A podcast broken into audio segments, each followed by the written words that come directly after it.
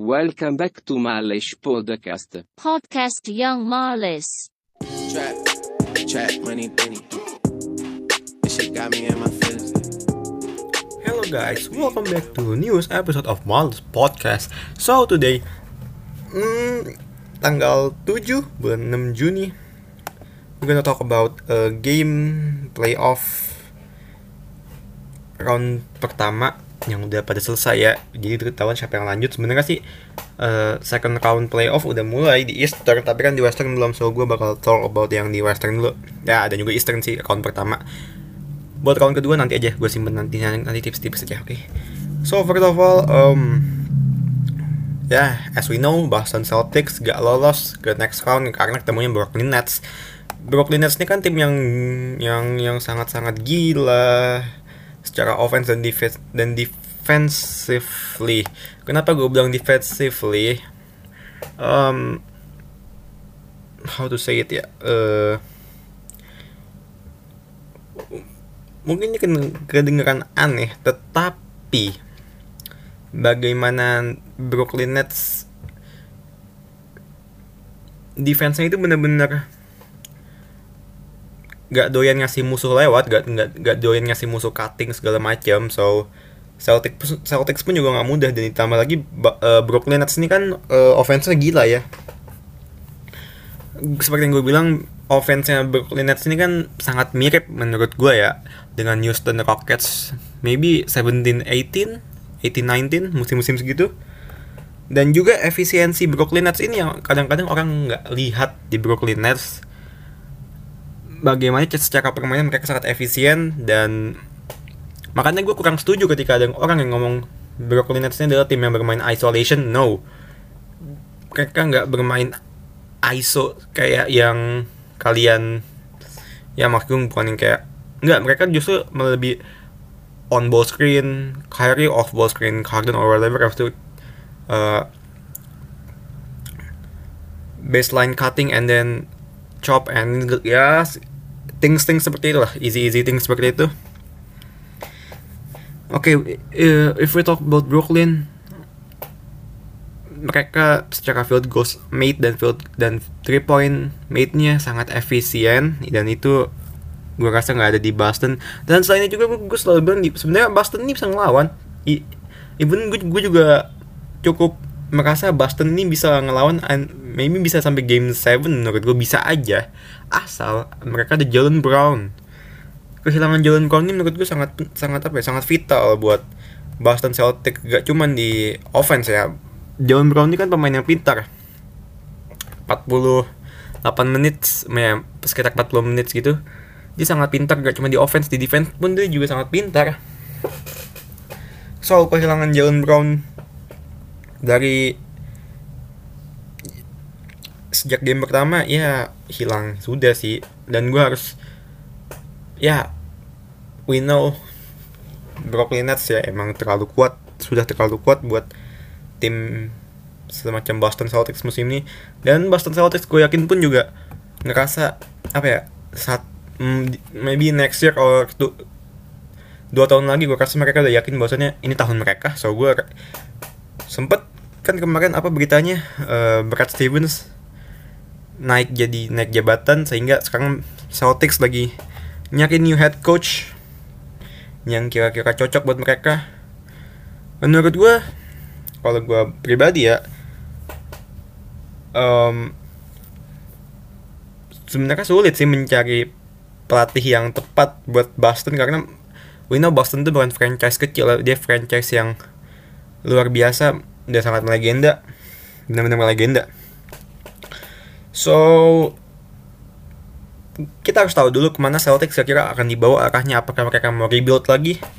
Dalam artian bisa aja sih mereka rebuild dan bikin dynasty tapi kan mereka harus nunggu lagi 3-4 tahun. Gue rasa kalau misalkan memang mereka mau rebuild dan bikin dynasty baru mereka harus sabar 3 sampai 4 tahun. Dan tentunya mengambil Becky Hammond mengapa gue bilang Becky Hammond dari coaching staffnya Spurs pantas dipanggil ke Brooklyn Nets eh I'm sorry ke Boston Celtics. Karena dia pernah menjadi pemain WNBA pertama.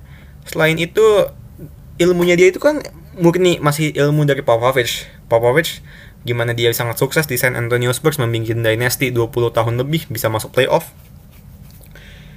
Mungkin kalau Celtics mau itu bisa didapatkan dari Becky Hammond tapi harus sabar karena dia pun juga pasti kalau misalnya masuk ke Celtics jatuhnya pelatih baru pelatih baru pelatih baru mana maksud nggak tekanan pasti besar ke dia so perlu sabar kalau misalkan emang Celtics mau Becky Hammond. Tapi kalau emang Celtics pengen juara cepet-cepet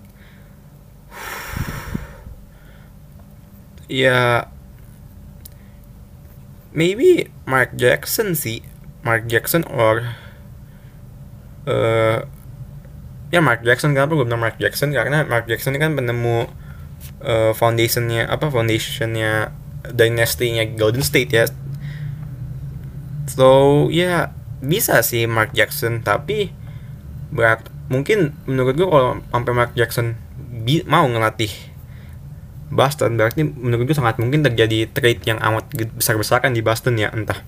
Nggak tahu karena kan gue Boston sangat ingin Boston kan pengen banget dapet Dame juga tapi ya who knows kan. And then we go to the gamenya. Portland Trail Blazers again um Denver Nuggets. Game yang apa ya yang sangat tegang karena di awal series ini kan game pertama diambil oleh Portland diambil oleh Dame dan kawan-kawan. Habis itu baru setelah itu baru Denver bisa leading dari dua saat uh, apa leading ya leading dari dua satu habis itu and then at the end mereka take the series 4-2 eh ya 4-2 so we talk about what? Ya tentu di uh, Portland ini kan gue ngerasa kayak kalau tiap kali nonton Portland gue selalu ngerasa Yusuf Nurkic adalah uh, pemain yang amat-amat penting buat Portland nggak cuma buat secara offense ya. Kita kalau secara offense ya we know Nurkic gak sebagus Jokic. Yusuf Nurkic ya so-so aja kalau secara offense. Tapi kalau secara defensively gimana dia bisa ngebuat Jokic kesulitan dalam ya mungkin poin ya poin Jokic secara poin always tinggi. But if we talk about uh, bagaimana asisnya Jokic kalau dijaga sama Nurkic selalu apa ya nggak terlalu banyak. Even di game game terakhir pun Denver ketemu Portland Jokic only 6 assist. Ini yang menurut gue sangat disayangkan kehilangan itu dari seorang Yusuf Nurkic. And then jujur gue sebenarnya di awal agak meragukan Denver ya setelah kehilangan Jamal Murray tetapi gue nggak nyangka ternyata Austin Rivers bisa sebagus ini. Gue gue bener-bener gak nyangka bisa Austin Rivers apa bukan cuma bagus bener-bener sebagus ini. Monte Morris gimana Monte Morris? Ya Monte Morris emang dari musim lalu bagus tapi tetap aja perlu Jamal Murray menurut gue eh, pilar penting buat Denver Nuggets. So gue rasa menurut gue Denver ini langkahnya jauh ya masih bisa melesat sangat-sangat jauh dan gue sangat yakin itu. Gue sangat percaya ke Denver mereka bisa go to the Western Conference Final. And then ya justru gue sangat menjagokan jujur gue sangat menjagokan sangat menjagokan Denver ya buat masuk ke final entah ketemu Brooklyn Nets dari Eastern atau ketemu Sixers. And kita lanjut ke gamenya gamenya siapa ya? gamenya ini aja kali ya gamenya Utah Jazz Clip I'm sorry ke gamenya Utah Memphis ya Utah Jazz Memphis kayaknya semua semua udah tahu ya. Ya tapi harus gue gue ngasih apa ngasih kredit dulu ke Memphis bagaimana defense mereka bener-bener mereka mau adjust mereka mau suruh mereka mau apa give it give give all they got di defense Memphis ya. Tapi itu tadi secara squad emang mereka kalah bagus sama Utah Jazz. Utah Jazz selalu bagus. Menurut gue Utah Jazz sangat lengkap. Mulai dari shooter mulai dari six man, shooter, uh, big man, dan juga scorer scorernya. Terlalu lengkap menurut gue di Utah Jazz ini. Ditambah lagi mereka punya ball movement yang menurut sangat cantik, sangat cantik, dan tentunya mereka ini apa ya? nggak pernah salah apa forwardnya ini forward forward yang forward yang bisa terkadang jadi guard juga si Bojan Bogdanovic dan ya tentunya Rudy Gobert ya Rudy Gobert secara defense sangat menyulitkan Memphis. Oke kita tahu about game yang kemarin, game yang game kelimanya Memphis against Utah. Di game ini Utah jelas lebih efisien 51,6%. How to beat Utah Jazz? I don't know, gue nggak pengen berspekulasi dulu gimana karena menurut gue masih ada yang disimpan sama Utah Jazz masih untuk dikeluarkan di game-game selanjutnya untuk mengejutkan apalagi kan di next series mereka bakal ketemu anak buahnya Tyron Lu Tyron Lu gue beberapa gue always bilang pelatih yang sangat menyeramkan nanti nanti kenapa gue jelaskan but kalau ngelihat uh, how they play dan seberapa lengkap squad mereka Utah Jazz ini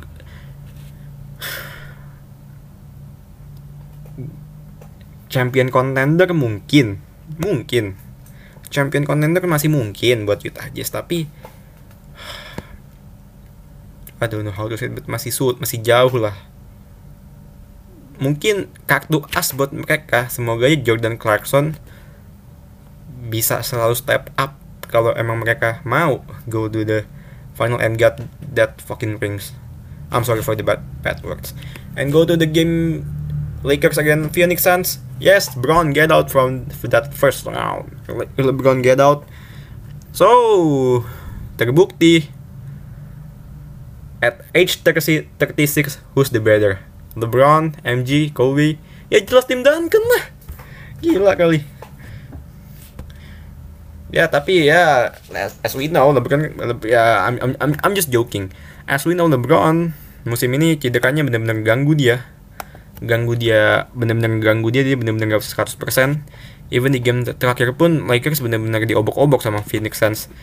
Ya yeah, Lakers, Lakers sempat tekan sampai sampai uh, selisih tinggal 13 poin di kuarter 3 tapi doesn't enough to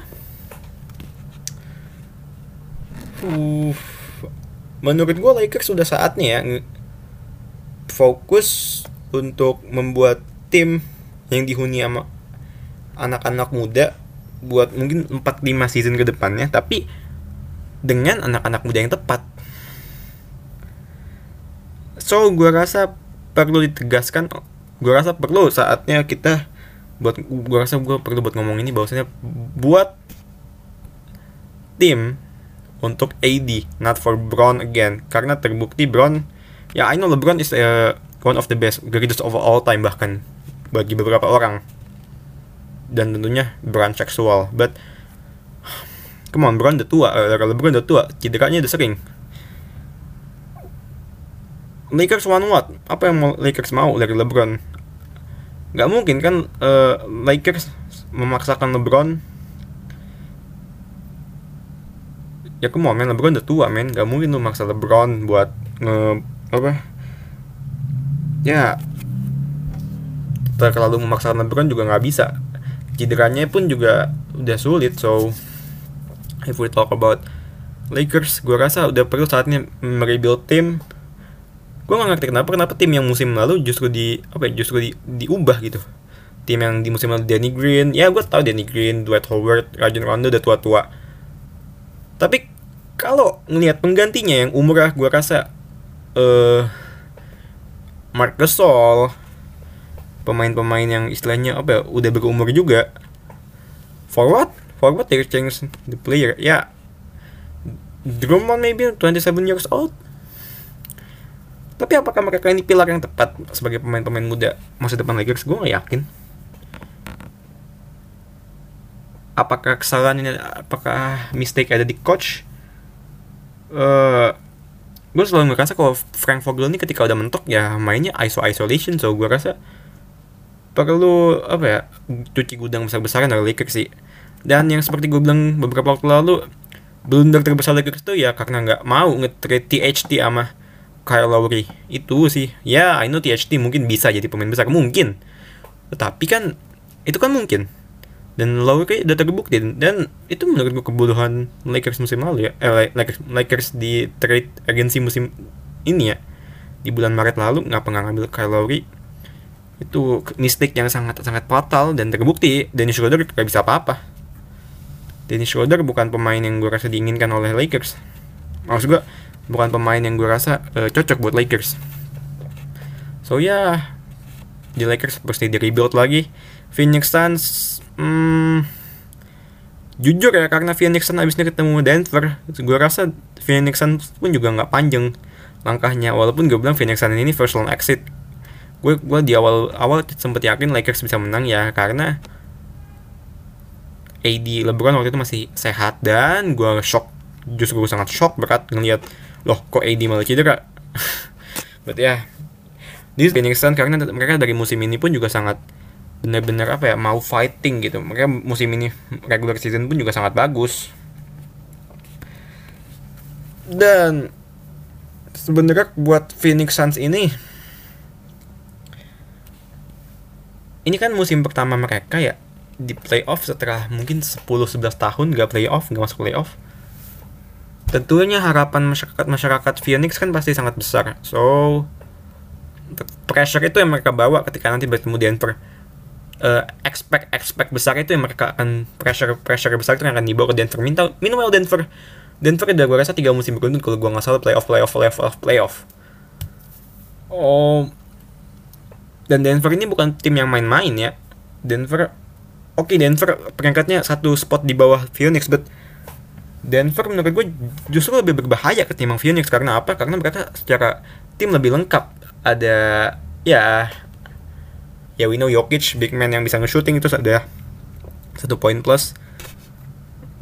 Mungkin Yok mungkin kalau Jokic dia nggak di Andre Ayton kalau Ayton nggak bisa pinter-pinter memanage how to defend Jokic jangan kaget kita bakal ngelihat series series di mana mirip-mirip kayak waktu Clippers ketemu Denver di bubble musim lalu momen-momen di mana Harold dibego-begoin sama Jokic kalau Aiton nggak bisa apa ya Aiton nggak bisa punya smart apa nggak sepinter Nurkic or siapa lah or maybe uh, Davis dalam hal menjaga Jokic ya.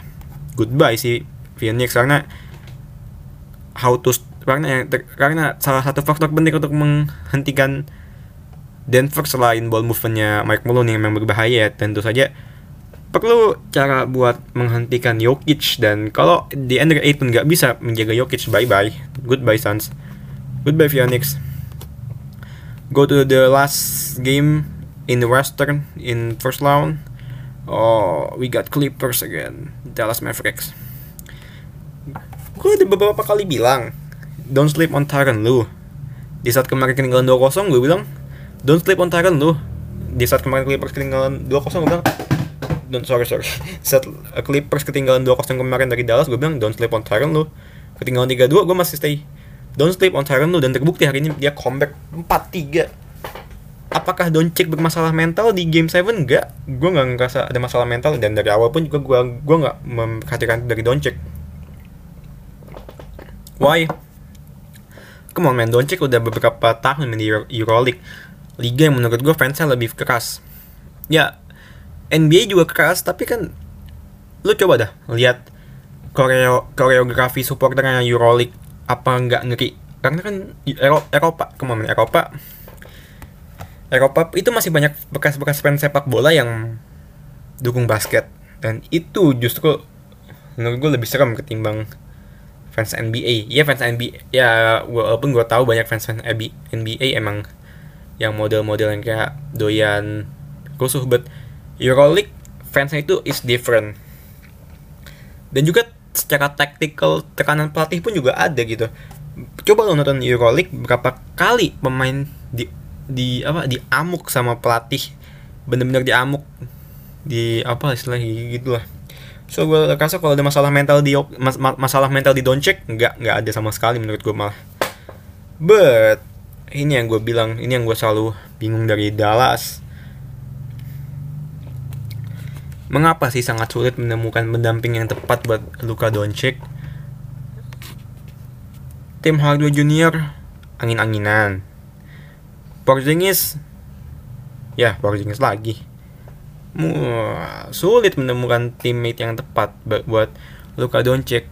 tetapi ya kalau emang Dallas mau rings mau mau serius sama Doncic ya find a new sup- new superstar karena zaman sekarang ini hampir semua tim ya kalau mau rings ya duo duo duo superstar dua superstar. Sudah udah sulit sekarang. Cuman ngandelin satu dua superstar eh, cuman ngandelin satu superstar tuh udah, udah sulit.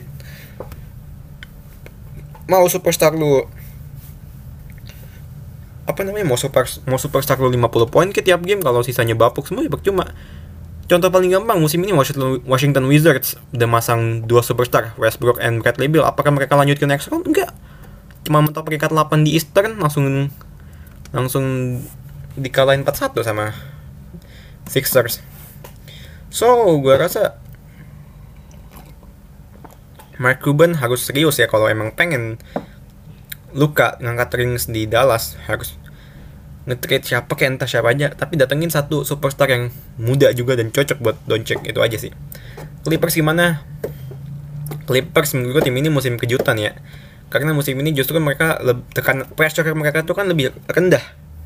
Karena musim lalu ya mereka kan kena kena comeback ketemu Denver. So eks- ketika ekspektasi orang pada rendah pressure pressure lu pressure ke tim ini kan jadi agak turun. Tetapi di situlah hebatnya Tyronn lu dia bisa mem- memanfaatkan itu.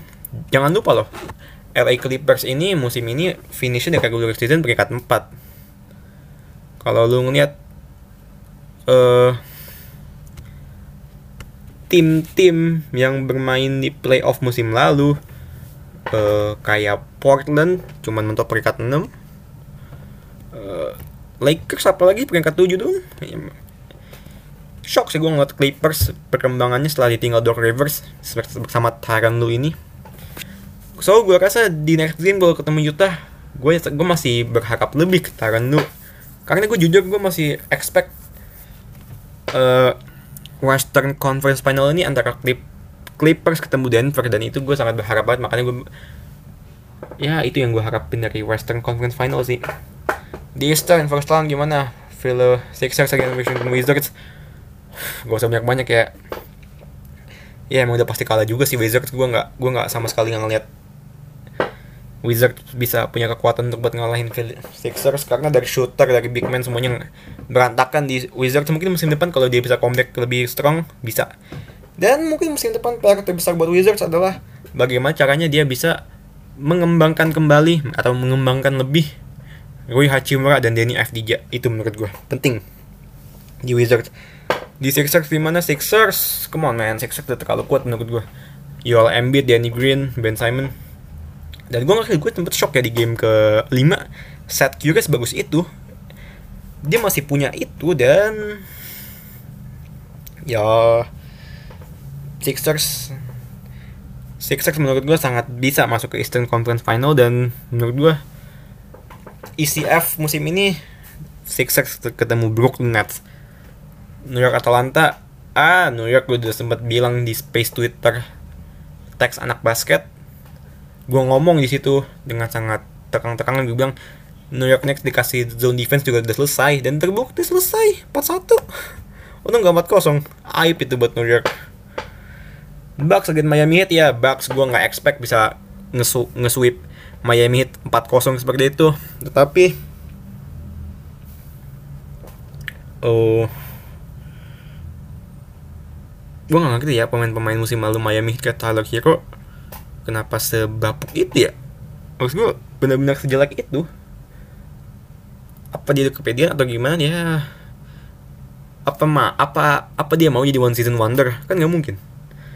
Brooklyn Boston ya tadi udah gue bahas tadi. So ya yeah, second round di ECF eh second round di Eastern ada ada Sixers ketemu Atalanta. Ya Atalanta tadi menang game nanti pagi tapi menurut gue Sixers is Sixers dia lebih kuat secara tim secara ah secara kedalaman squad lebih kuat. Tapi gue heran ya kenapa masih ada orang yang bilang Trey yang over Luka Doncic padahal udah jelas-jelas Luka Doncic udah having something yang belum Trey yang punya di umur segini. Remember Trey yang ini main di main di Eastern. Beda sama Luka main di Western yang jelas-jelas lebih strong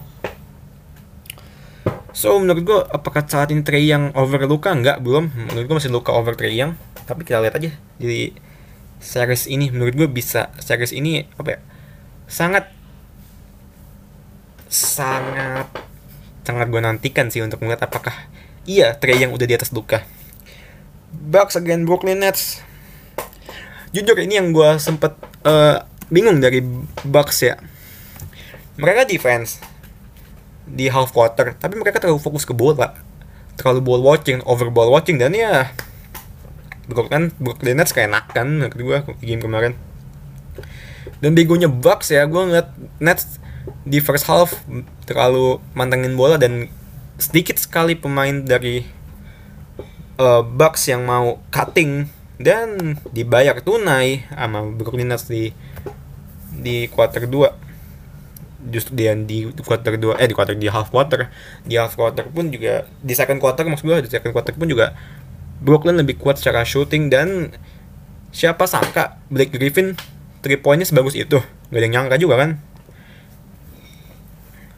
Dan mungkin ini salah satu kritik terbesar gue Dear Bucks kalau emang 3 point lagi bau ya stop shooting threes. Get some cutting. Get some screen off ball screen whatever is that why they still maksa buat shooting? Maksud gue 6 dari 30 men how bad is that? Sang. Buruk, banget men meanwhile di Brooklyn Nets ya mereka 15 dari 40 tapi mereka adjust, adjustment defense-nya itu yang gue apa kedisiplinan defense-nya itu yang gue lihat dari Nets. Dan Nets ini kan uh, six man-nya apa banyak pemain-pemain dari bench yang menurut gue punya apa ya punya bisa jadi senjata rahasia. Mike James Mike James ini bekas pemain Euroleague dia pernah main di CSKA Moskow bekas pemain NBA juga kalau gua gak salah ya. Bekas pem, bekas main di Phoenix kalau gua nggak salah ya. Mike James ini kan juga pernah main di NBA tapi cuma bentar doang. So gua rasa Brooklyn gonna take it this game easily. Ya come on to be fair fairan aja. Bucks emang bagus tapi Bucks gak gak sebagus Nets sekarang. So gue rasa WCF di Western gua di Western Conference Final gua bakal gua rasa kita bakal ngeliat Denver again Clippers and then di Eastern Conference Final gua bakal rasa kita bakal ngeliat Sixers again Brooklyn. Oke, okay, itu sekian dari gua and bye bye. Thank you for listening.